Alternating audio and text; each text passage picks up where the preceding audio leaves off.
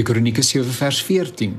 As my volk oor wie my naam uitgeroep is berou toon, as hulle bid en na my wil vra en terugdraai van hulle bose weë af, dan sal ek luister uit die hemel, hulle sonde vergewe en hulle land laat herstel. Op 24 September vanjaar sal na verwagting duisende mense na 'n gebedsbyeenkoms stroom wat deur die bekende prediker Angus Buchan gelei sal word. Die geleentheid vind dig by Kreersdorp plaas. Kreersdorp, ook bekend as Mogali City, maar helaas ook as Devilsdorp. So is dit luidrigtig op groot maniere langs die snelweë van ons land geprofeteer na aanleiding van 'n reeks wat op TV uitgesaai is.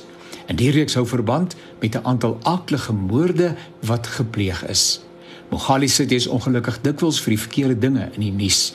Dit was ook hier in Mogali City, Kreersdorp, waar 'n aantal vroue heel onlangs gewetenloos deur Zamazamas verkragt is. Devilsdorp sê wie? Nie so lank hier 'n kerk is nie. Nie so lank daar kinders van die Here is en sy woord luidrigtig en met oortuiging verkondig word nie.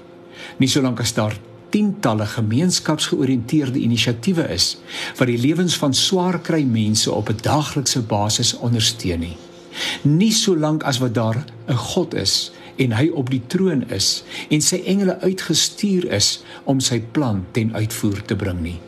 Moord, prostitusie, verwaarlosing, verkrachting, selfs die okkulte, dis nie uniek aan Kreersdorp en sy mense nie. Dis hoe die wêreld lyk. Maar dis nie die bose se wêreld nie.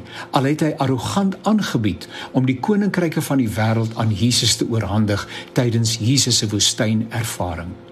Kom bid saam asseblief, maar kom bid ook vir jou omgewing. Bid vir Suid-Afrika en die nood wat hy belewe. Bid vir die wêreld wat smaak my koers verloor het. Maar moet dit nie vir een enkele oomblik bely nie. Devilsdorp sê wie